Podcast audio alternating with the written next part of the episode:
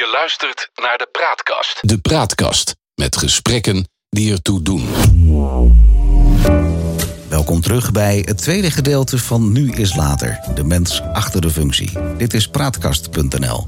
En vandaag hebben wij te gast Carlien Ouders in eh, deze aflevering. En eh, wij zeiden eigenlijk net in het eerste gedeelte van... Nou, dat we zo meteen het over de Klimaatexpo gaan hebben.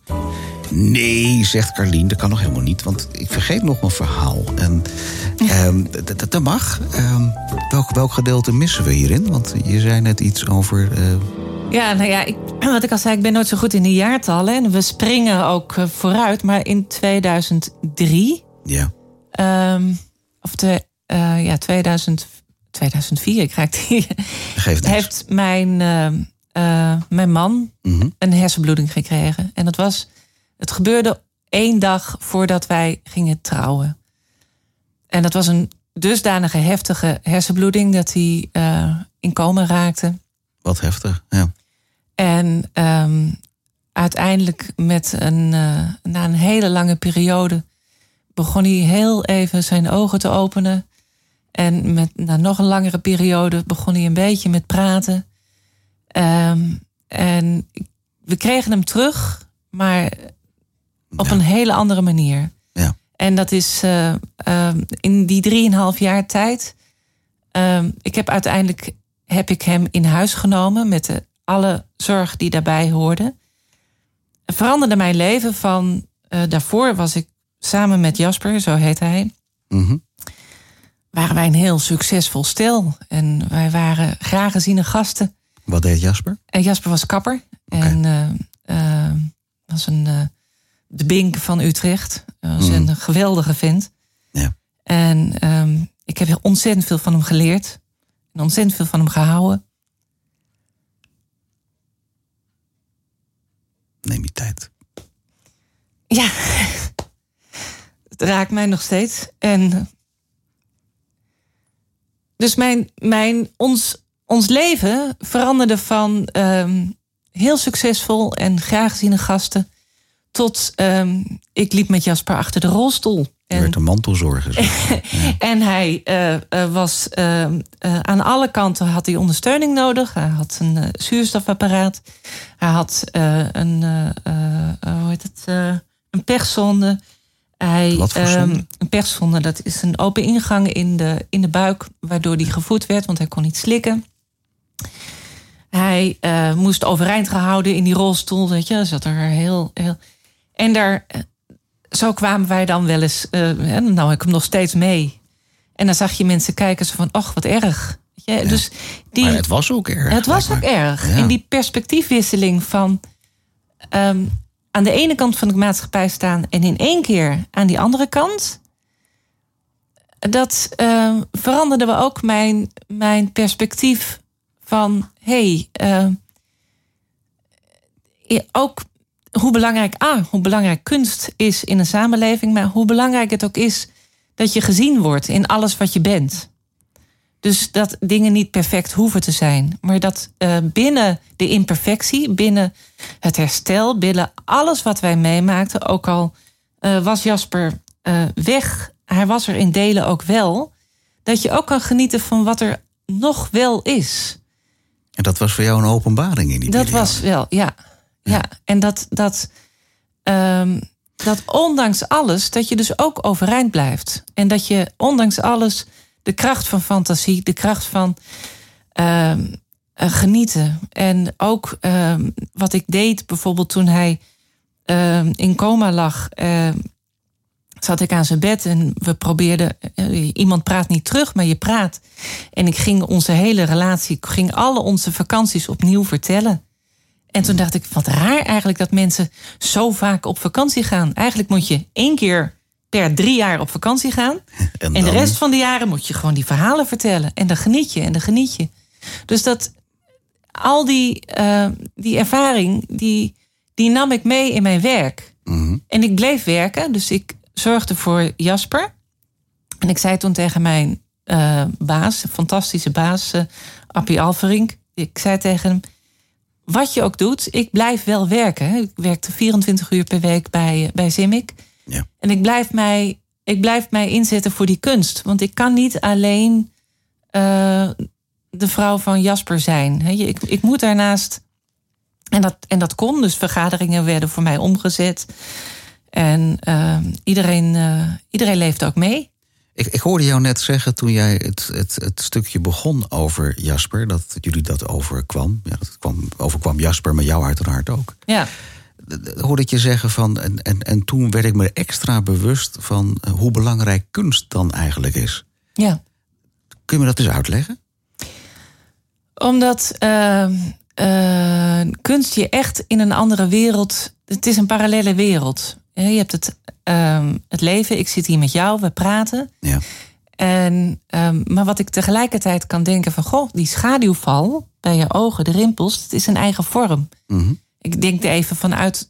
Een, ik ben een, een realistisch schilder. Hè? In die zin, uh, ik, ik, schilder op een impressionistische manier... maar ik hou van de, uh, het weergeven van de werkelijkheid. Ja. Maar om daar de schoonheid uit te halen. Dus daar mm -hmm. zie je... Dus je kan wegdromen. Je kan, en, en dat wegdromen is, is essentieel. Maar is dat dan in de vorm van vluchten van de werkelijkheid? Nee, nee want vluchten is natuurlijk niet uh, onder ogen zien wat er gebeurt. Mm -hmm. Maar uh, je kan onder ogen zien wat er gebeurt, maar daar de schoonheid uithalen. Omdat in elk moment zit humor, in elk moment zit schoonheid. En in elk moment zit uh, een ja, zit een manier om, om ergens mee om te gaan. Dat, dat zoeken we allemaal. Je zoekt naar manieren om, om de dingen te handelen. En dat, daar is kunst een fantastische manier voor. Dat was ook voor jou in die periode met Jasper een Ja. superbelangrijk thema dat je in de Ja. kunst verdiepen kon. Hoe is het met Jasper afgelopen? Hij is uiteindelijk overleden. Hij is, eh, heeft een half jaar dus in een hele zware coma gezeten. En ja, de vooruit- vooruitzichten waren heel slecht. En dat wisten we ook eigenlijk allemaal. Maar ehm, het is een eh, bizarre eh, om mee te maken dat. eh, je kan zeggen, waarom is er dan geen euthanasie ge- ge- gepleegd? Dat op, als je het pad van het leven opgaat, dan ehm, denk je van laten we er dan ook maar alles uithalen wat Mhm. mogelijk is. Dan heb je niet zoveel keus. Dus dat vond eh, Jasper ook, mag ik aannemen. ja, dat is heel moeilijk om, om als je geen contact met iemand kan krijgen, om dat te vragen. Nee, ik hoorde het mezelf zeggen. En ik dacht ook van ja, op het moment zelf dat die keuze is, dan heb je geen keuze. Want hij, hij, hij is er niet bij dan. Nee, en, aannemen. en het, is heel, het is heel lastig om dat te oordelen. Van een afstand zou je zeggen van nou, laat mij maar doodgaan. Mm. Maar weg is weg. En dat denk je als partner ook. Dat, je bent eigenlijk blij met alles wat, wat, Wat, wat, er, wat er nog is. wat er nog is. En Ja. eh, je maakt hele bizarre dingen mee. Toen Jasper net op de intensive care kwam...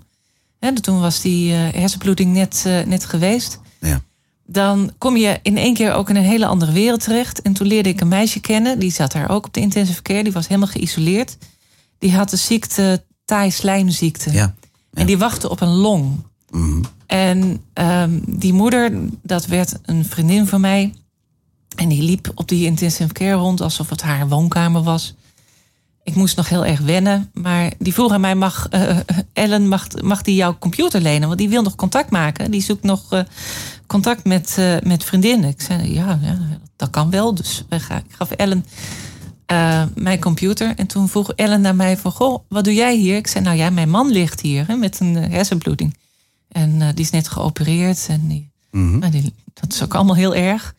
Oh, zegt ze, ja. Maar hij is er nog, hè? Ik zeg, ja, hij is er nog. Geniet je nog wel van hem?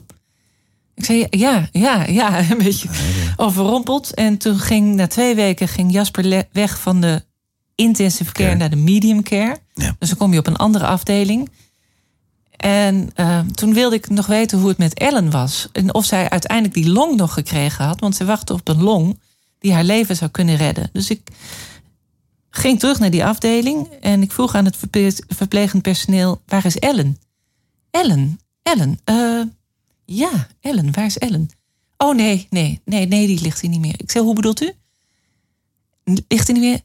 Nee, nee, die, die long is dus niet gekomen en Ellen is overleden. Leden. Ja.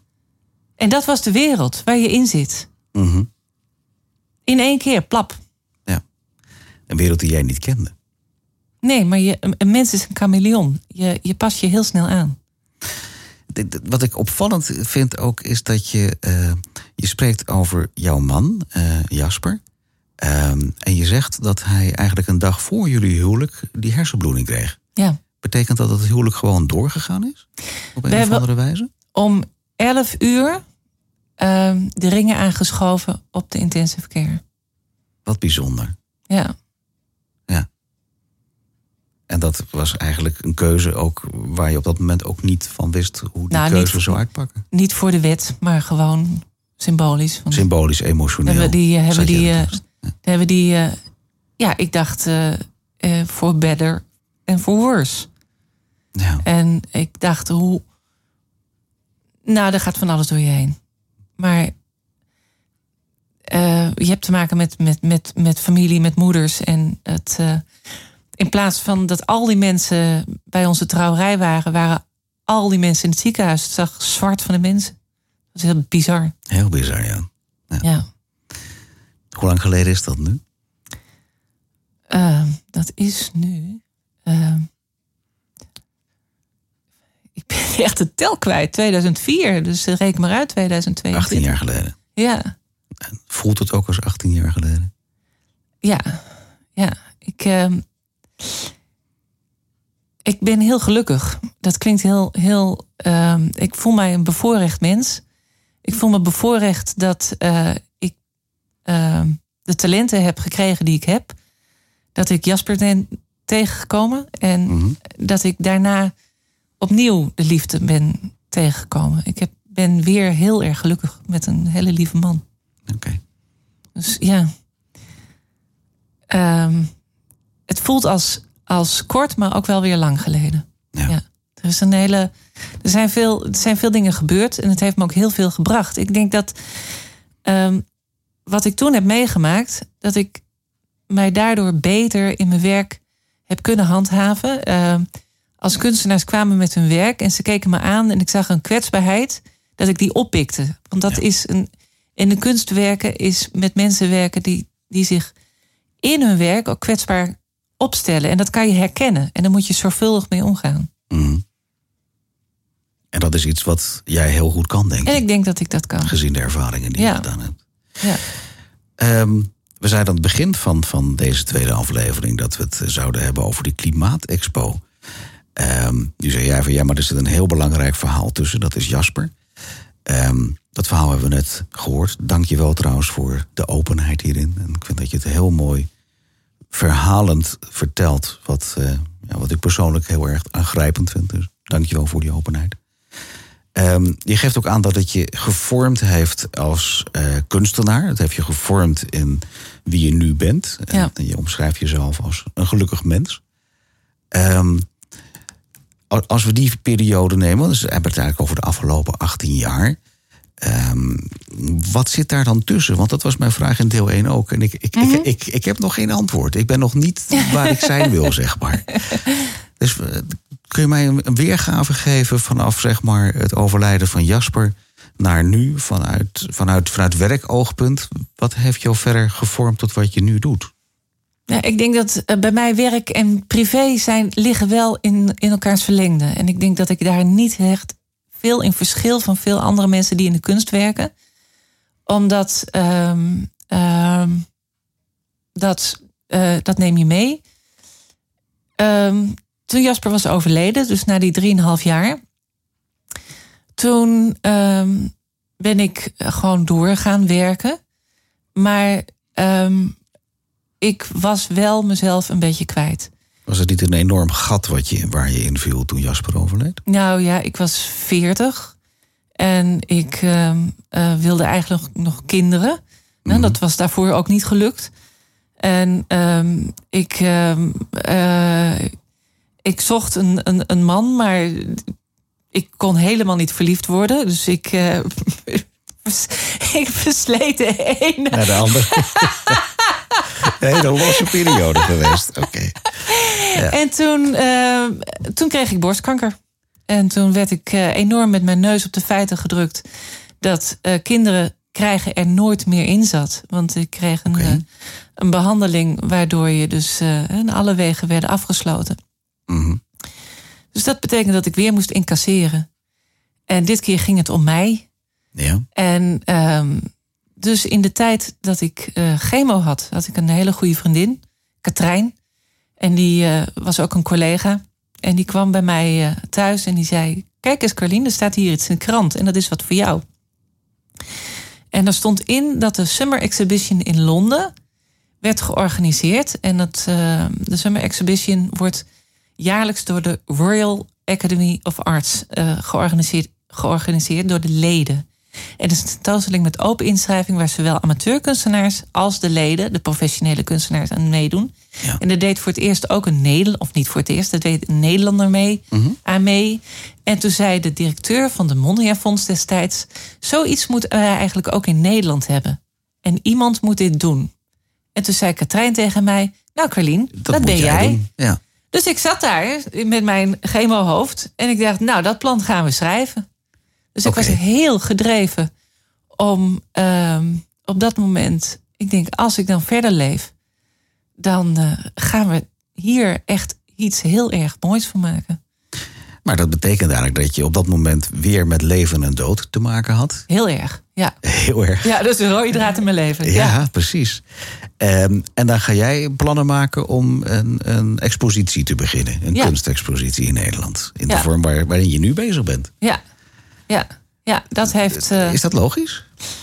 ja, voor mijn gevoel wel. En ehm, ik... ehm, Maar dat was dat ook. Dat, het, het, het voelt een beetje alsof het een soort, een soort kapstok was waar je aan vast kon houden in, in een vreselijk lastige tijd. ja, was het ook. Ja. En ja. had je in die tijd een partner? Ehm, eh, ik, Verschillende.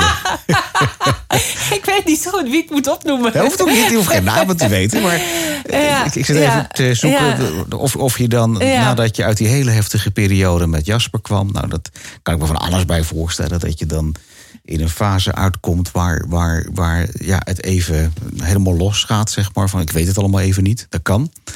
Eh, maar als je dan ook nog een keer borstkanker krijgt... die, die ja, theoretisch eh, dodelijk zou kunnen zijn... Ja, Nou, dan is het niet een erg voor de hand liggend idee om dan te zeggen: joh, we gaan een stichting beginnen die met kunst eh, iets gaat doen. En tegelijkertijd voel ik wel iets in dat ik denk van ja, maar dat kan je, het kan je ook helpen. ja, Dus ik zit even te zoeken wat het voor jou, voor jou was. Want je geeft een beeld alsof je met je infuusstandaard naast je zit. En, en dan eigenlijk ja, je, je ontwerpen gaat maken hoe je het organisatorisch zou willen aanpakken. Correct? Of, ja. Nou, het, het, het was wel zo dat eh, ehm, ik bewust aan die arts vroeg... toen ik net die diagnose kreeg van... ga ik hier dood aan? En toen zei hij, dat weten we niet. nee. En dan als iemand jou recht in de ogen kijkt en die zegt, dat weten we niet... dan denk je, oh, oké, Maar het kan dus wel. ja, Ja. zo voelt dat dus. En ehm, nou heb ik altijd een zekere nieuwsgierigheid naar alle facetten van het leven. Dus dacht ik, oh interessant, ik blijf ook nog gewoon normaal hieronder. Dat vond ik ook wel interessant. Maar ehm, ik had ook een basisvertrouwen dat ik denk, volgens mij ga ik hier niet dood aan. Volgens mij heb ik, eh, heb ik op tijd eh, dat ding eh, gespot. En ehm, ik had maar één Het ding. gaat goed komen. Ja, dat dacht ik. Heb je een religieuze overtuiging? Nee, Ook op dat moment niet. nee. Maar ik dacht wel, volgens mij heb ik nog een pad te bewandelen. Dat was een gevoel. Een Ja. soort intuïtie wat naar boven kwam. Ja, Oké. ja, Je werd geïnspireerd door de tentoonstelling in Engeland. ja. Ehm, is dat een één op één kopie geworden? Of heb je daarin vanuit je eigen netwerk, vanuit je eigen ideeën, ben je dingen gaan doen waarvan je dacht van hé, hey, daar kan ik een kopie van maken, maar wel vernederlandsen. Ja, op die manier. En dat was ook niet ik alleen, want ik zat eh, ehm, om de tentoonstelling te organiseren. ehm, zat ik in een team. Eh, dus ik was een, eh, was een, een, een, een groep van mensen die werkten allemaal in die provinciale ondersteunende ondersteuning. Ja, dat klinkt vreselijk ambtelijk, maar dat was het ook in die tijd. En gelukkig is dat veranderd. Van die ondersteuningsinstellingen voor amateurkunst, cultuurbeoefening en eh, dus ik zat met een, ik organiseerde, of tenminste, we hadden een groep met mensen en die kwamen voornamelijk uit, destijds had het Fonds voor Cultuurparticipatie. Ja. En ehm, dus we overlegden met elkaar en ik werd daar uiteindelijk projectleider van, want ik was wel, ik had die sturende rol daarin. En ik was ook het meest fanatiek. Mhm. En ehm, ja, dat, wat was exact je vraag? Nou, ik zit, ik zit me even af te vragen nu dat je, dat je in die tijd dat je ziek bent met het infuus naast je, dat is mijn beeld nog even.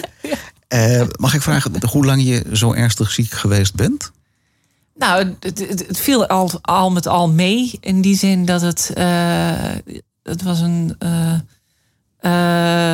een kleine tumor van 1,1 centimeter. Mhm. Zonder. eh, Zonder uitzaaiingen. uitzaaiingen in naar de, lymfe. Dus dat uiteindelijk. Hè, het kwartje viel er gelukkig toen de goede kant op. Bij Jasper niet, maar dit wel.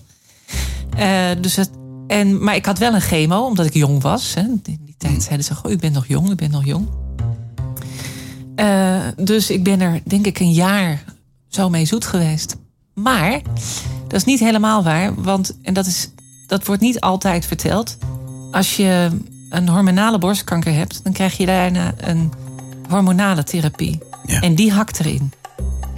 Dus die, die operatie, dat is eigenlijk prima te doen. Ehm, die chemo is ook niet fijn, maar is ook te, Te doen. doen. Ja. Ja, dat, dat gaat weer over. Hier wordt kaal, maar dat heb ik nooit erg gevonden.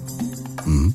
Dus dat vond ik ook wel weer interessant. Dat is ook heel raar. Ik dacht, goh, hoe ziet mijn hoofd er eigenlijk zo uit? Ja.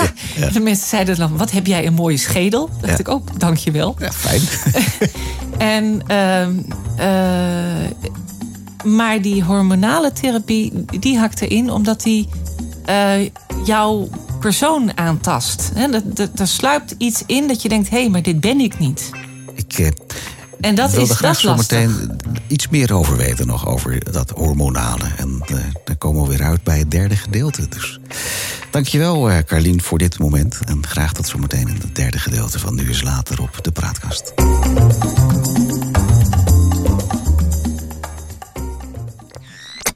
De Praatkast.